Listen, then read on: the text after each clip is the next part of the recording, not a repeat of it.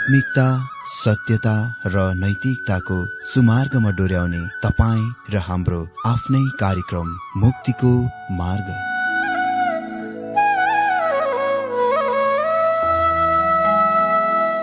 आदरणीय श्रोता यस मुक्तिको मार्ग कार्यक्रममा हार्दिक स्वागत छ।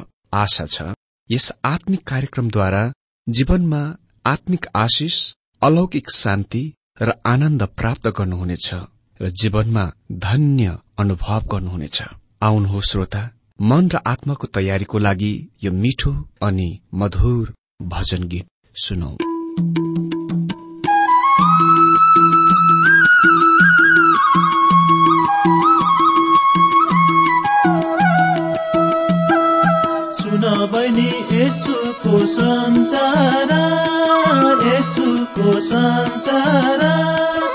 अशान्तिमा डुबेछ संसार। यसुमा ए बहिनी अनन्त जीवन छ। यसुमा ए बहिनी अनन्त जीवन छ। यसुको सञ्चार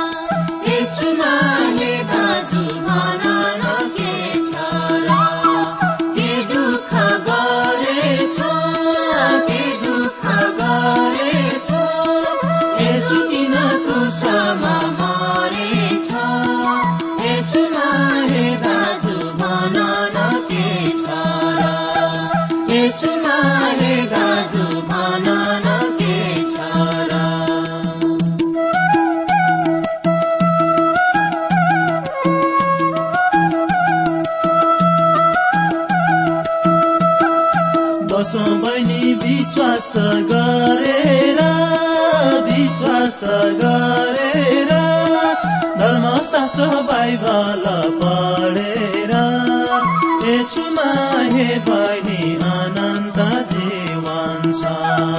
यसुमा हे बहिनी अनन्त जीवन छ।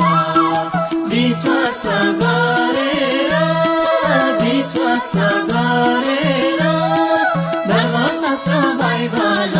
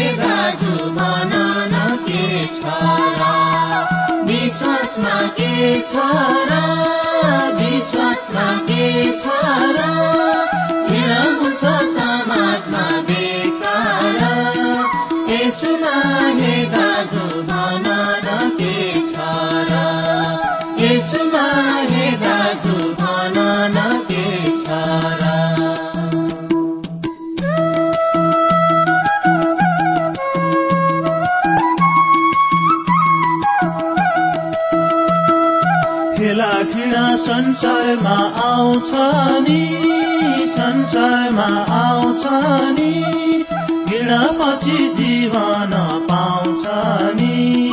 यसुमा हे बहिनी अनन्त जीवन छ।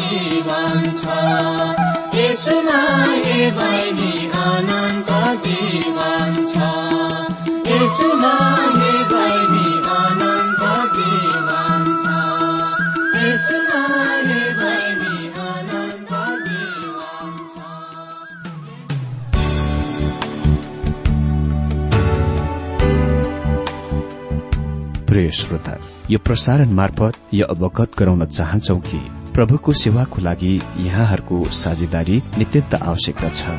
यहाँहरूले प्रार्थनाको साथसाथै आर्थिक सहायता गर्न अनुरोध गर्दछौ। तपाईँहरूको सानो भन्दा सानो भेटी किन नहोस्? हामी प्रभुको नाममा स्वीकार गर्नेछौ प्रभुको सेवाको लागि। तपाईँहरूको यो सानो लगानीले कसैको जीवनमा भिन्नता ल्याउँछ अनि प्रभुको महिमा हुन्छ? प्रभु तपाईँहरूलाई महान गरी आशिष दिनुहुनेछ। इच्छुक श्रोताहरूले तपाईँको इच्छा भेटी हाम्रो ठेगानामा पठाउन सक्नुहुन्छ जुन ठेगाना हामी कार्यक्रमको अन्तमा दिनेछौ। प्रिय श्रोता आज पनि यहाँहरूलाई मेरो हार्दिक स्वागत छ यो बाइबल अध्ययनमा।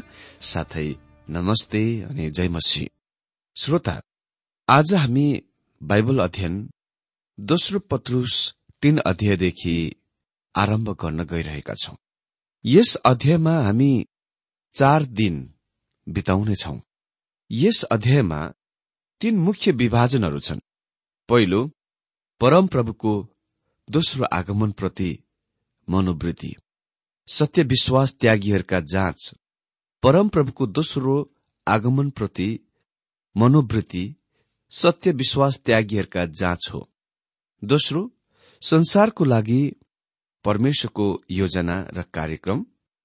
अनि तेस्रो विश्वासीहरूलाई अर्थी। श्रोता यो अर्को अति नै उल्लेखनीय अध्याय हो जुन पत्रुसले लेखेका छन्।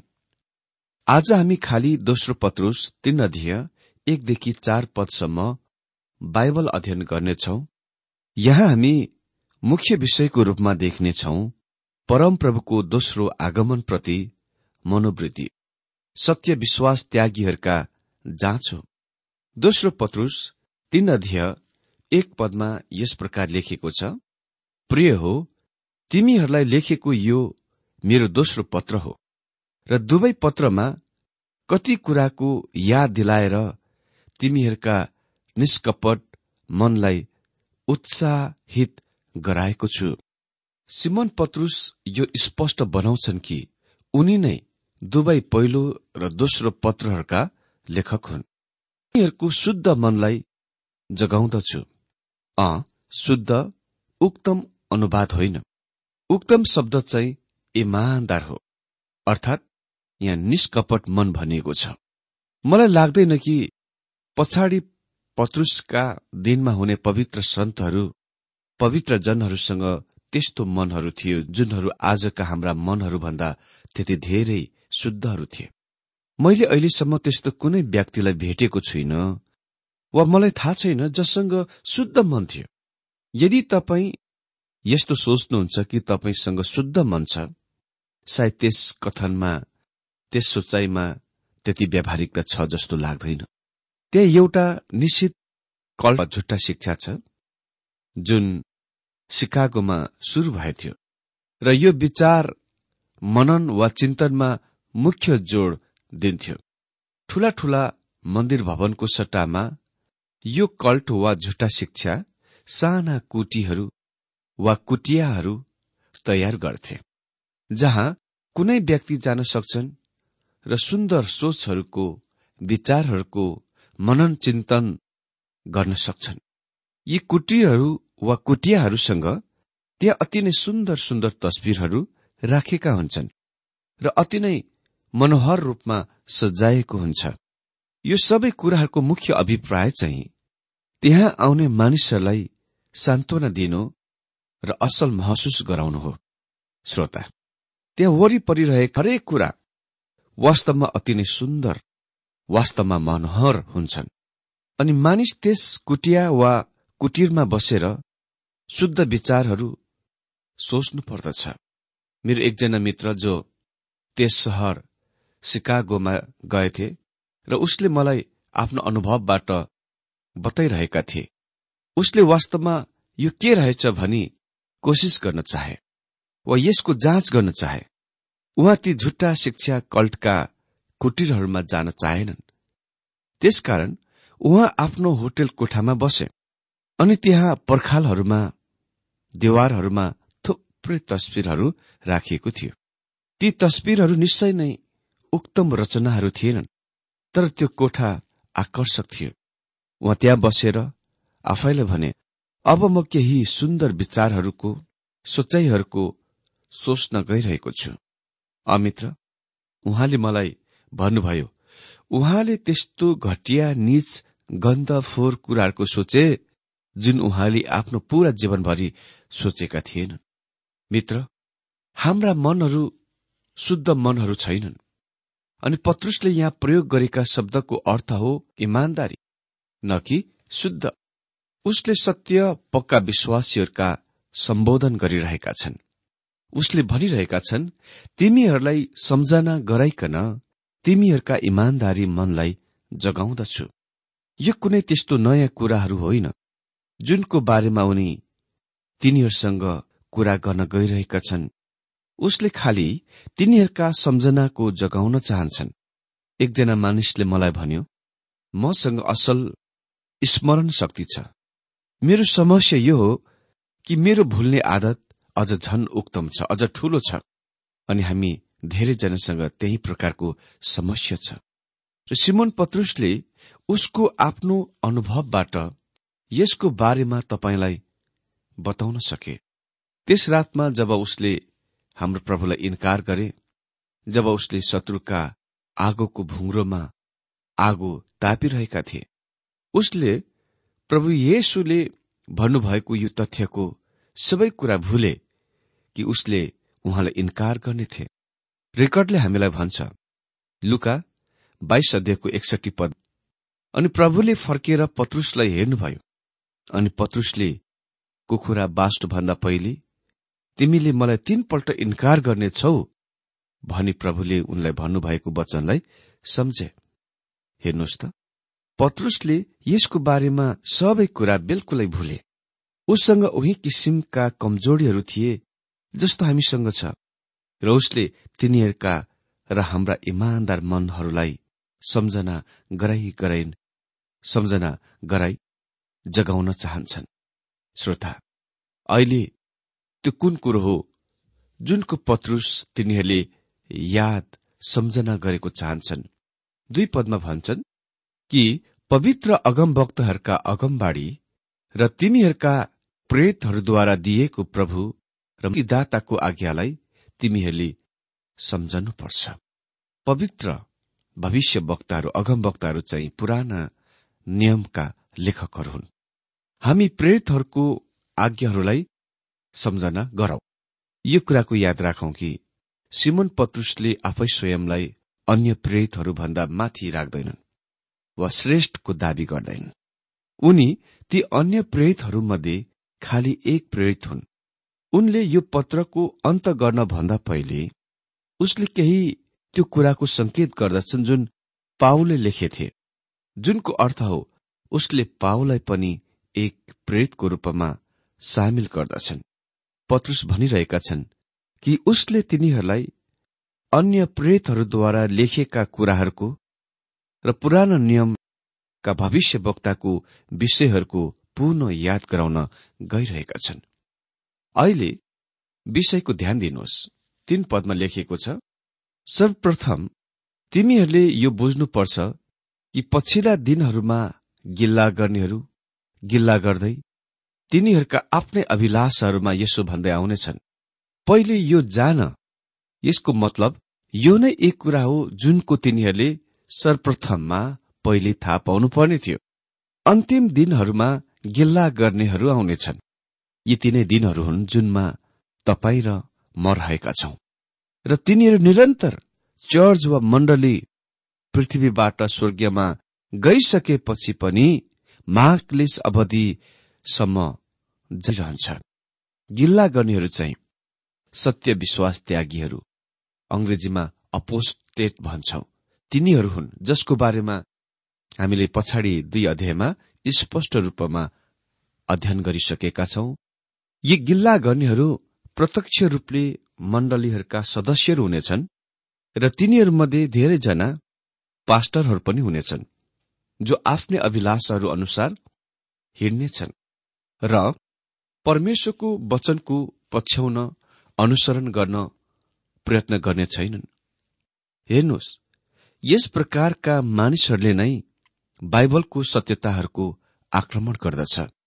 यदि कुनै मानिसले आफ्ना पापहरूका त्याग्न इच्छुक भइरहेका छन् र ख्रिस्टलाई ग्रहण गर्न इच्छुक भइरहेका भने परमेश्वरले आफ्नो वचनको उसलाई सत्य बनाइदिनुहुनेछ। पाओले दोस्रो कुरन्थी तीन अध्यायको लेख्दा भने पर्दा तिनीहरूको मनमा परेको छ तर यदि तिनीहरूका हृदयहरू परमेश्वर कहाँ फर्कने छ भने पर्दा हटाइनेछ उदाङ्गो गरिनेछ। तिनीहरूका समस्या मानसिक बौद्धिकता होइन तर तिनीहरूका समस्या चाहिँ हृदय समस्या हो। र यसरी तिनीहरू झुट बहस अगाडि राख्छन्। चार पदमा लेखिएको छ उहाँका आगमनको प्रतिज्ञा कहाँ गयो? किनकि पिता पुर्खाहरू सुतिसकेका दिनदेखि नै सबै कुरा सृष्टिको शुरूदेखि चलिआए जस्तै आज पनि छँदै। खै उहाँको आगमनको प्रतिज्ञा कहाँ गयो? अर्को शब्दमा तिनीहरूले यस प्रकारले केही कुरा भन्नेछन्। तिमीहरू अधिकांश सालौंदेखि यो भनिरहेका छौ कि प्रभु येशु यो संसारबाट चर्च वा मण्डलीलाई लिन वापस आइरहनु भएको छ। अनि तब सात वर्ष क्लेशकाल अवधिपछि उहाँ पृथ्वीमा आफ्नो राज्य स्थापन गर्न आउनुहुनेछ। अ खै उहाँ कहाँ हुनुहुन्छ? किन उहाँ आउनुभएको छैन? तिनीहरू यसको गिल्ला गर्न गइरहेका छन्। ख्रिष्टको दोस्रो आगमनको इन्कार गरिनेछ। केवल नास्तिकवादीहरूले मात्र यसको इन्कार गर्ने छैनन् तर पुलपिटमा उभिने कोही कोहीद्वारा र मुखले विश्वासी हुँ भन्नेहरूद्वारा पनि इन्कार गरिनेछन्। अहिले पुरानो नियम लेखकहरूले के को बारेमा लेखे? तिनीहरूले आफ्ना राज्यको स्थापन गर्न पृथ्वीमा ख्रिष्टको आगमनको बारेमा लेखे। नयाँ नियम प्रेतहरूले के को बारेमा लेखे त? तिनीहरूले संसारबाट आफ्नो चर्च वा मण्डलीको उठाइ लैजानको लागि ख्रिष्टको आगमनको बारेमा लेखे।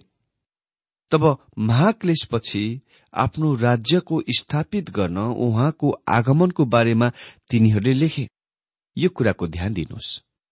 पुरानो नियम भविष्य वक्ताहरूले चर्च वा मण्डलीको बारेमा लेखेनन्। तिनीहरूमध्ये एकजनाले पनि यसको बारेमा लेखेनन्। तिनीहरूले खालि आफ्नो राज्यको स्थापन गर्न पृथ्वीमा उहाँको आगमनको मात्र लेखे। वास्तवमा यो प्रभु येशु ख्रिस्ट स्वयं नै हुनुहुन्छ। जसले सर्वप्रथममा उहाँका आफ्नैहरूको लागि अर्थात मण्डलीको लागि उहाँ आउनुहुनेछ भन्ने कुराको प्रकट गर्नुभएको थियो। उहाँले योहान्ना चौध अध्यायमा भन्नुभएको थियो म तिमीहरूको निम्ति ठाउँ तयार पार्न जानेछु। अनि यदि म गएर तिमीहरूको निम्ति ठाउँ तयार पारे भने म फेरि आउनेछु र तिमीहरूलाई म आफै कहाँ ग्रहण गर्नेछु। उहाँले तयार गर्न गइरहनु भएको स्थान यहाँ संसारमा होइन। यो जैतुन पर्वतको अर्को पट्टिमा थिएन। यदि तपाईँ यसको सन्देह गर्नुहुन्छ भने त्यहाँ गएर हेर्नुहोस्। त्यो निर्जन उजाड स्थान छ। हाम्रा प्रभु स्वर्गीयमा फर्किजानुभयो र त्यहाँ नै उहाँले हाम्रो लागि स्थानहरूको तयार गरिरहनु भएको छ। उहाँ हाम्रो निम्ति वापस फर्की आउन प्रतिज्ञा गर्नुभयो। पहिलो थिस्लो निकी चार अध्ययको सत्र पदमा हामीलाई भनिएको छ हामी उहाँलाई हावामा बादलमा भेट्नेछौ। यो कुराको म दोहोऱ्याउँछु र दोहोऱ्याउनु पर्छ पुरानो नियममा ख्रिष्टको आगमनको भविष्यवाणी चाहिँ पृथ्वीमा यी उहाँको राज्यको स्थापन गर्नलाई थियो। नयाँ नियममा उहाँको आगमनको भविष्यवाणी चाहिँ सर्वप्रथममा संसार वा पृथ्वीबाट आफ्नो मण्डली वा चर्चलाई उठै लान र त्यसपछि पृथ्वीमा आफ्नो राज्यको स्थापन गर्न उहाँको आगमनको थियो। भनिएको छ चार पदमा उहाँका आगमनको प्रतिज्ञा कहाँ गयो किनकि पिता पुर्खाहरू सुतिसकेका दिनदेखि नै सबै कुरा सृष्टिको शुरूदेखि चलिआए जस्तै आज पनि छँदैछ। भन्छन् किनकि पिता पुर्खाहरू मरेका समयदेखि नै सबै कुराहरू सृष्टिका शुरूबाट जस्ता थिए त्यस्तै चलिरहेको छ। यो नै प्रमाण हो कि जुनको गिल्ला गर्नेहरूले गिल्ला गर्नेछन्। अनि भन्नु नै पर्दा हाम्रा दिनहरूमा पनि यसको धेरैद्वारा अति नै धेरै भस गरिने कुरा भएको छ। पिता पुर्खाहरू चाहिँ पछाडि आरम्भका आदमदेखिका उत्ताका पिता पुर्खाहरूका संकेत गर्दछ। मित्र ती गिल्ला गर्नेहरू सत्य विश्वास त्यागीहरूको यो प्रश्नको पत्रुस निम्न पदहरूमा उत्तर दिन्छन् र यसको बारेमा हामी अर्को दिन देख्नेछौ।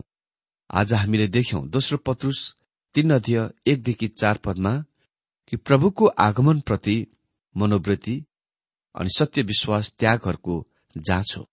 अर्को दिन हामी निरन्तर परमेश्वरको वचन अध्ययन यसै विषयलाई लिएर अगाडि बढ्नेछौं।